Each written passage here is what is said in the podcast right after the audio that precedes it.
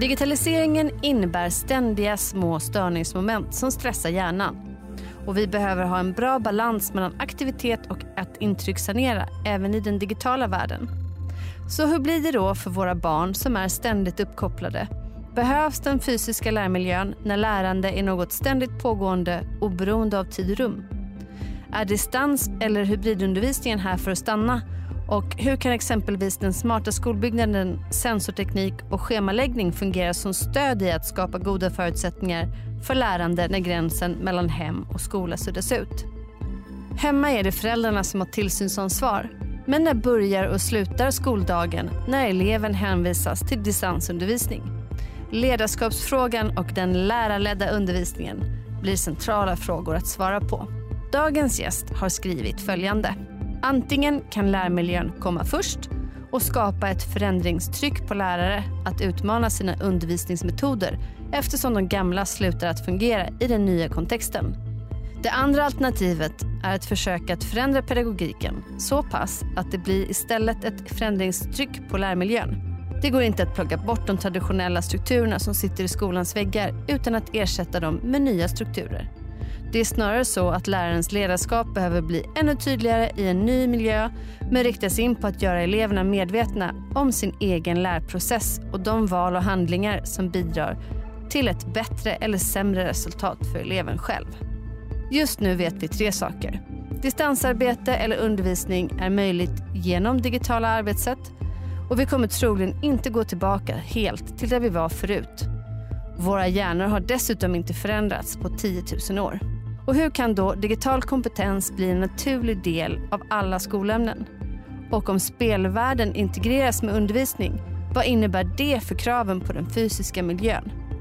Kommer gamification vara en viktig mekanism i edtech för att anta rätt strategier och system för att stärka sannolikheten för framgång i skolans omutbildningsprocesser? Nu kör vi!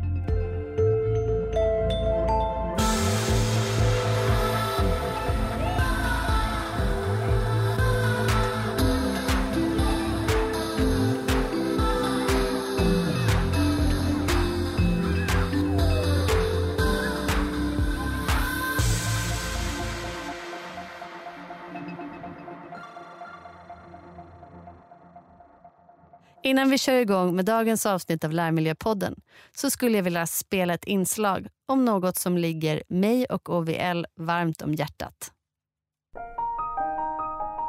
August! Vill du inte ut och leka? Bygga snögubbar i snön? Vi ses ju inte alls som förr Öppna din dörr, känns som du lämnat mig Vi var ju bästa vänner men inte nu Vill du att jag går så se Vill du inte ut och leka Jag heter August och fick cancer för förra julen.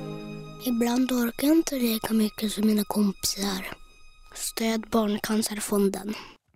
Med oss idag har vi Frida Monsén som är en rutinerad lärare, författare och föreläsare med digitalisering som spetskompetens. Och Frida brinner för hur spelkulturen kan användas för att motivera och engagera lärande.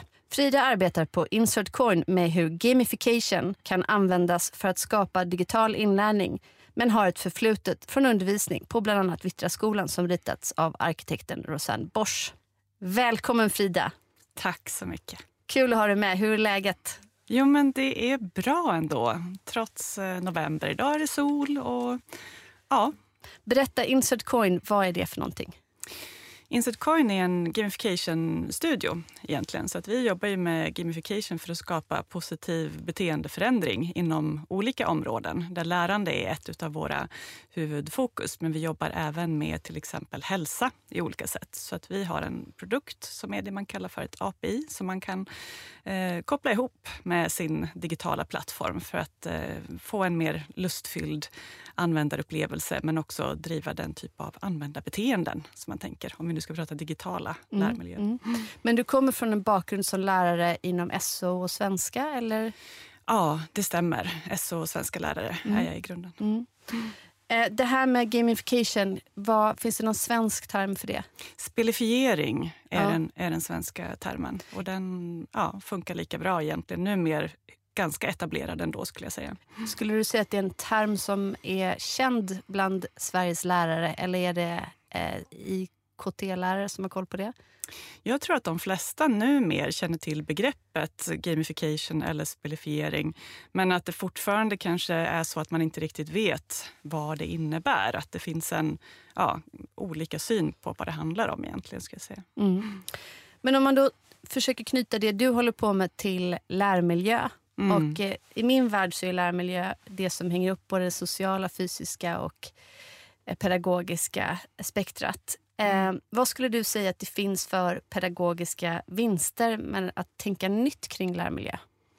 För det första så vill jag säga att det är komplext. Jag vill Mm. inte sitta och förenkla saker så, utan lärmiljö är komplext. Men samtidigt så är det ju ganska få saker i lärmiljön så som vi ser den framför oss idag som egentligen har jättemycket med lärande att göra. Utan det är ju mer utformat av praktiska skäl, Mm. säger jag. För att det är ett praktiskt sätt att förvara en, en grupp människor i, i samma rum och Mm. ja, ha Mm. kontroll på vad som händer i rummet. Om man då pratar om det fysiska rummet, hur hänger den fysiska och digitala lärmiljön ihop? Mycket av det som är digital pedagogik, så som vi ser den, den är ju egentligen ganska omöjlig att Mm. utföra 30 personer i ett klassrum vid Mm. varsin bänk. Den Mm. miljön, så som vi har sett den, den funkar ju inte för de sakerna som vi vill göra med det digitala mediet, så att säga. Mm. Och där skulle jag säga att det har kommit ett, ett tryck, ett förändringstryck på den mer traditionella skolmiljön. Att vi Mm. måste börja tänka på, på andra sätt för att få in den nya typen av arbetsformer så Mm. som, vi, som vi ser dem. Vad krävs för att lyckas med en förändringsresa då, kopplat till nytänkande lärande miljöer? Det är ju, det är ju såklart en, en eh, process i, i många steg. Men först så, så behöver ju både elever och eh, lärare, alltså de som befinner sig på skolan, behöver ju någonstans förstå varför har vi gjort den här förändringen. Den måste kännas meningsfull. Mm. För det är ju fortfarande så när vi ser framför oss, när vi tänker på skola, så kanske vi ser, alltså vi är ju fast i den bild som man har utav, ja men det här händer i skolan och föräldrar och alla runt omkring. Så att ska man då eh, göra någonting helt annat än vad man är van med, då måste det vara väldigt tydligt och klart med varf, varför ska vi göra det? Och att det bottnar i det som faktiskt är lärande uppdraget. Då. Vi har inte gjort det här för att det är coolt eller, eller häftigt eller Mm. bara för att vi vill vara moderna. Utan det handlar verkligen om kärnan, om pedagogiken och Mm. kunna förankra det. Mm. Jag är ju arkitekt, Mm. Så jag tänker ju på hur ljud och ljus är kalibrerat och hur inredningen och rummets form kan stötta liksom, övergångar mellan digitalt och analogt arbete. Mm. Men jag lyssnade på en podd på dig på väg till studion idag där du pratade om hur man skulle kunna liksom, ta gränssnittet från hur miljön ser ut i en gamification, alltså i spelvärlden. Och då tänkte jag med en gång på en sån Super Mario-bana. Liksom. Du har höga bord, låga bord. Det är liksom som en hinderbana i... Och så funderade jag på, undrar om det är så Frida tänker kring hur man skulle kunna inreda en stöttande lärmiljö som är lite metaaktigt utifrån ett gamification-perspektiv. Mm. Hur, hur tänker du? Ja, men precis. Nej, men jag ser ju också på miljön som en, som en användarupplevelse. Den fysiska och den digitala miljön. Hur tilltalande är den här för, för mig? Hur enkelt är det för mig att göra val som, som stöttar det lärande som ska ske, de aktiviteter som ska ske och så vidare. Men anledningen till att gamification kom att bli ett så viktigt verktyg för mig när det kom till lärandemiljön. Mm. Du nämnde i början att jag har ju jobbat på en av Sveriges första skolor som designades av Rosenborg som hade ett otroligt innovativt tänk i botten där miljön eh, hade, var väldigt öppen och hade naturinslag, berg, grottor, träd och så vidare. Och även designad utifrån olika lärmiljöprinciper, att miljön skulle stötta det vi faktiskt eh, skulle göra. Men utifrån att både lärare och elever var ju vana med någonting annat. Man var ju Mm. vana med den ganska kontrollerade miljön Mm. där läraren hela tiden ser precis vad eleverna håller på med och, eleven och, och förväntan och så vidare. Men spel i sig är ju väldigt bra på att sätta regler och spelplan. Det är väldigt Mm. tydligt när det kommer till spel. Liksom, Mm. Vad som förväntas Mm. av en, vad är mitt uppdrag och, och så vidare. Mm. Liksom. Och även vad ska jag träna och bli bättre på. Mm. Så att vi använder ju gamification eller spelifiering som ett sätt att sätta nya strukturer Mm. i den här miljön. Vi satte en ny spelplan, nya regler. Eh, och tillsammans med eleverna så identifierade vi eh, i en miljö där läraren inte kan kontrollera i varje sekund vad eleverna gör, vad de lär sig för att man, man sitter inte, så, kanske, kanske inte ens ser alla elever samtidigt. Så, eh, då måste ju det här ledarskapet måste ju på något vis utvecklas i varje person. Mm. I arbetslivet pratar man ju mycket om självledarskap till Mm. exempel. Och det är ju ingenting man bara kan förvänta sig av elever. eh, Så här, nej men du, du måste klara det här. Utan på samma sätt som vi lär dem matematik eller läsning eller andra saker så måste vi också lära dem att förstå hur deras eget beteende hänger ihop med resultatet på slutsidan. Eh, hur hittar jag fokus? Eh, vad innebär det att ta ansvar i det här sammanhanget? Eh, vad är ett bra samarbete och så vidare. Mm. Så vi använder spelifiering för att helt enkelt sätta den här nya spelplanen Mm. för, för elever och lärare för att fungera, Mm. fungera i den här nya innovativa. Ett sätt att, jag skulle säga ett verktyg för förändringsledning. Mm. skulle jag säga. Mm. Både för oss själva och för eleverna. Om vi då blir konkreta. Mm. Vad är dina bästa tips för att skapa trygghet och arbetsro i kreativa lärmiljöer? Där strukturen inte sitter i väggarna som du är inne på. Ja, nu har, jag har varit inne på det, men för mig så, så är det väldigt mycket metakognition. Och eh, att våga släppa på det här att det är jag som ska ha kontrollen på allting. Liksom. När du säger metakognition, är det lärandets lärande? Ja, lära att lära skulle jag säga. Mm. Eh, att verkligen synliggöra det och jobba med de sakerna. Nu sa du så här, nu ska vi bli konkreta och jag känner att det är jättesvårt att vara super, super konkret. Men Ja. för oss så var ju det den här spelifieringsramen. Liksom. Mm.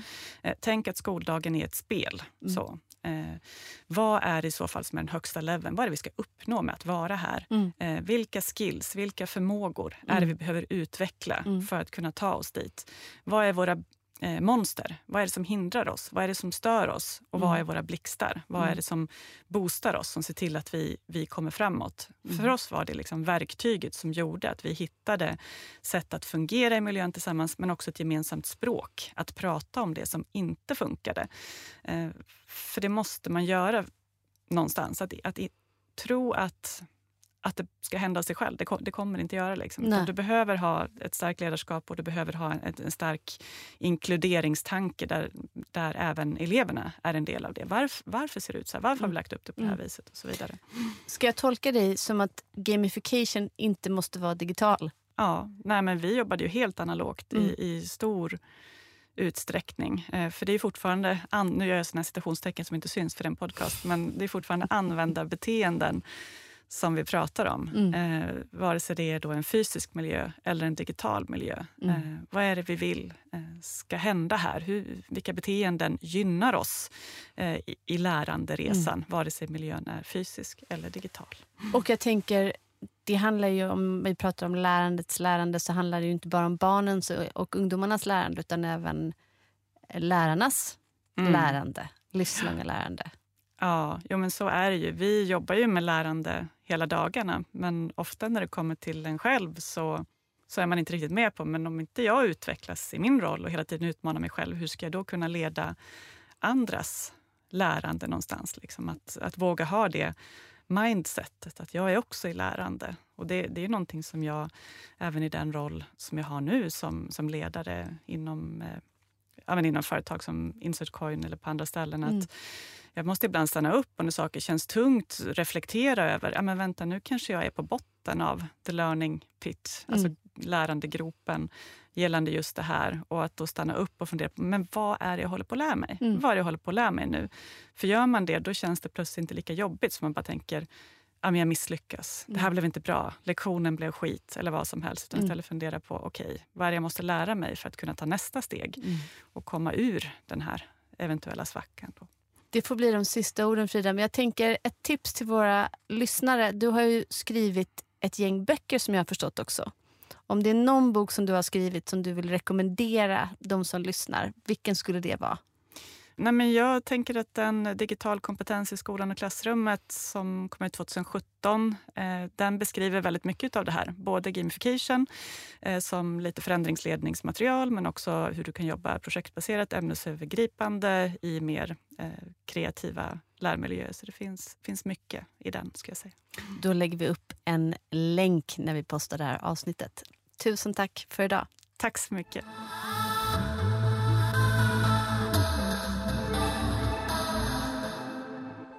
Dagens sidekick är matteappen Alberts vd Salman Eskandari.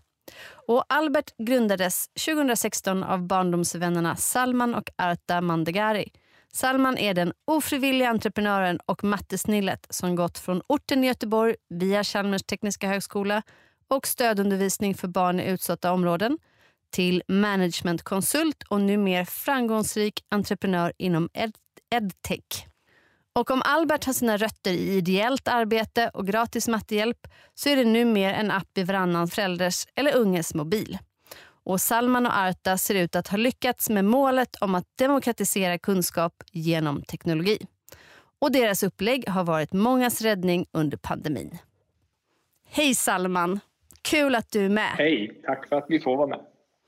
Du driver tillsammans med Arta och ett 30-tal medarbetare en av Sveriges mest lyckosamma startups inom edtech. Hur känns det? Det känns jättekul.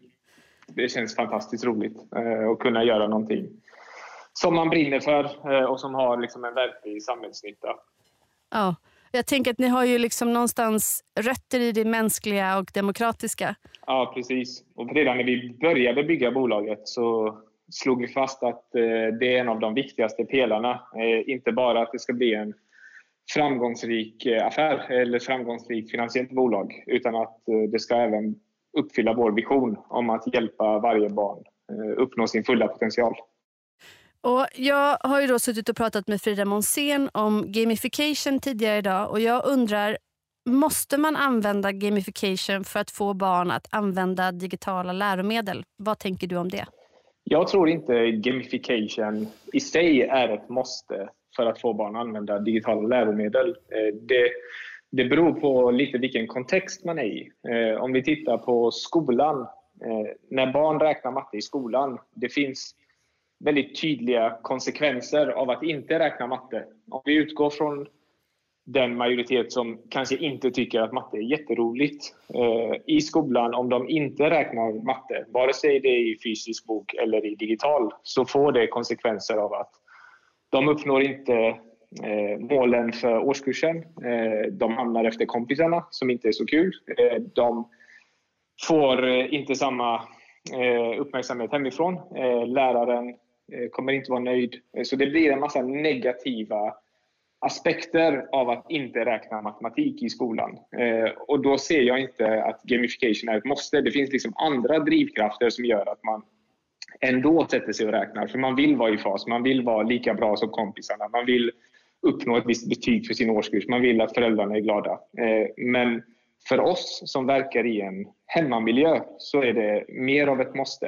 Eh, för där finns inte de här negativa konsekvenserna av att inte använda Albert-appen. Eh, du kanske får en besviken förälder på sin höjd men det är inga andra större konsekvenser. Så vi vi måste få barnen att vilja använda Albert, att vilja gå in och räkna matte. Eh, och där spelar gamification en jättestor roll i att inte, det finns inga negativa konsekvenser men vi måste skapa de här positiva konsekvenserna som gör att man faktiskt väljer att komma tillbaks även om man inte måste. Då. Mm. Har ni neuroforskare kopplat till er app?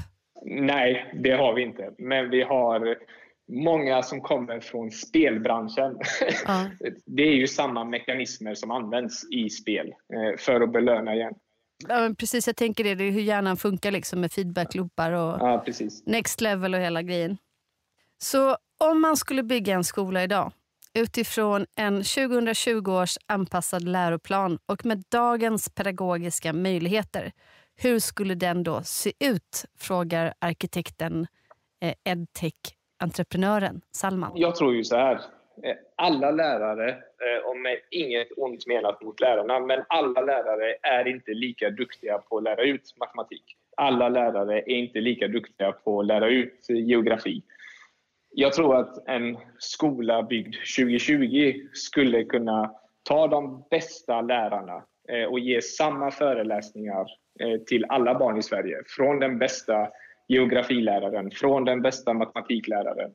Eh, och att lärarens roll blir mer av en stöttande karaktär för att snappa upp elever som ligger efter, snappa upp elever som ligger före, som behöver stimuleras mer och fokusera mer på, en, på att vara en coachande person än en person som ska lära ut någonting. Där mm. finns det digitala stöd idag som gör att du kan ha de bästa matteövningarna till alla elever i Sverige. Du kan ha de bästa proven, du kan ha de bästa teoriomgångarna givet av en lärare till alla. Då. Eh, men mm. där läraren får mer av en roll där man är nära individen, den individuella eleven. Det rimmar ju väldigt bra med vad många pedagogiska forskare och även om man säger kreativa arkitekter tänker. Men jag funderar på, givet då att man är den här processledande, coachande personen och jobbar med digitala hjälpmedel. Om du funderar kring på vilken typ av miljöer som man behöver. Jag har pratat lite grann tidigare i podden i andra avsnitt om just det här med skolans demokratiska uppdrag och att ha en plats att gå till. Att det är viktigt för många barn. Kanske särskilt i utsatta områden där man bor trångbott. Om man då arbetar på det här sättet, hur tänker du att den typen av lokal skulle se ut?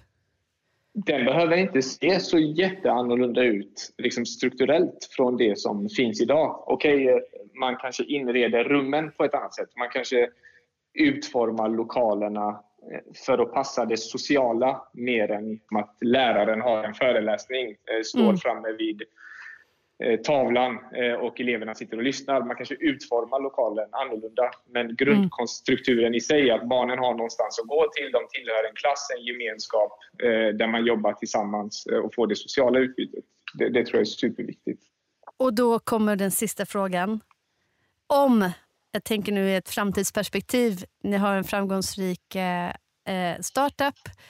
Eh, när kommer vi få se den första verkliga Albertskolan IRL? Jag vet inte om vi någonsin eh, kommer få se den. Om vi skulle se den så tror jag att det är inom en tioårsperiod. Eh, och jag tror inte att den första Albertskolan är i Sverige.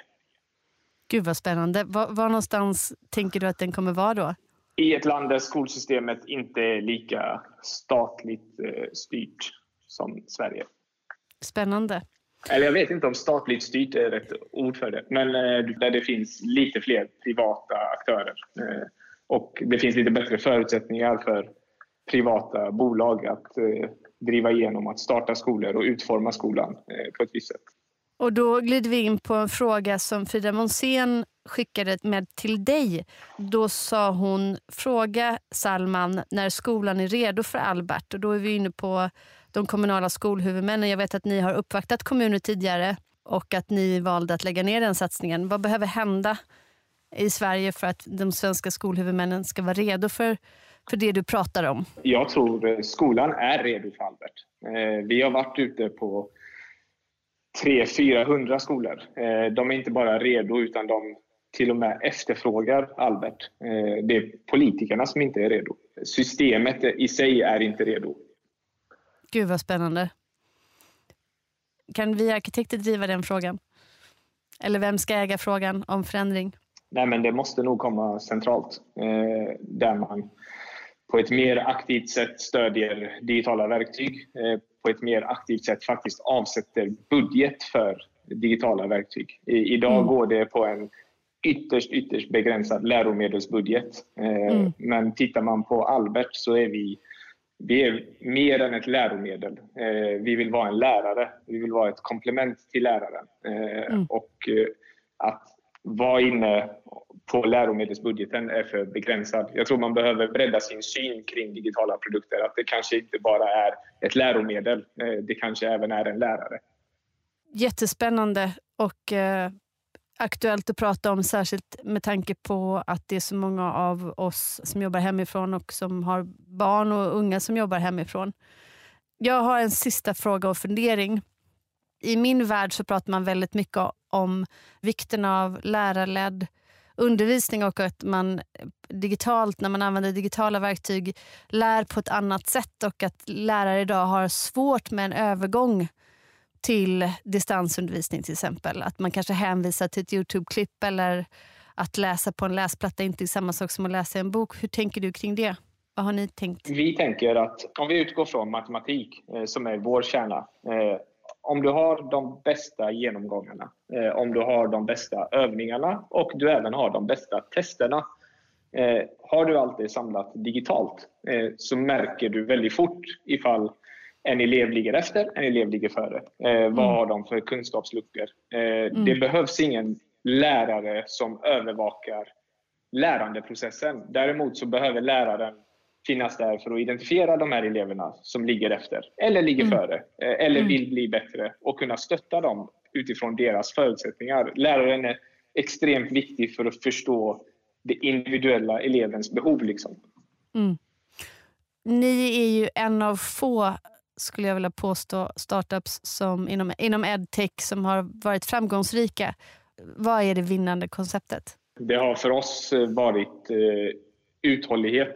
Eh, att, men framförallt att vara väldigt, väldigt nära slutanvändaren. Eh, I och med att vi har direkt till konsument. Det är föräldrar som är våra kunder eh, och deras barn som är våra slutanvändare. Eh, så har vi kunnat ha örat mycket närmare slutanvändaren. Vad deras behov är. Hur vi kan utforma vår produkt för att tillgodose elevens behov.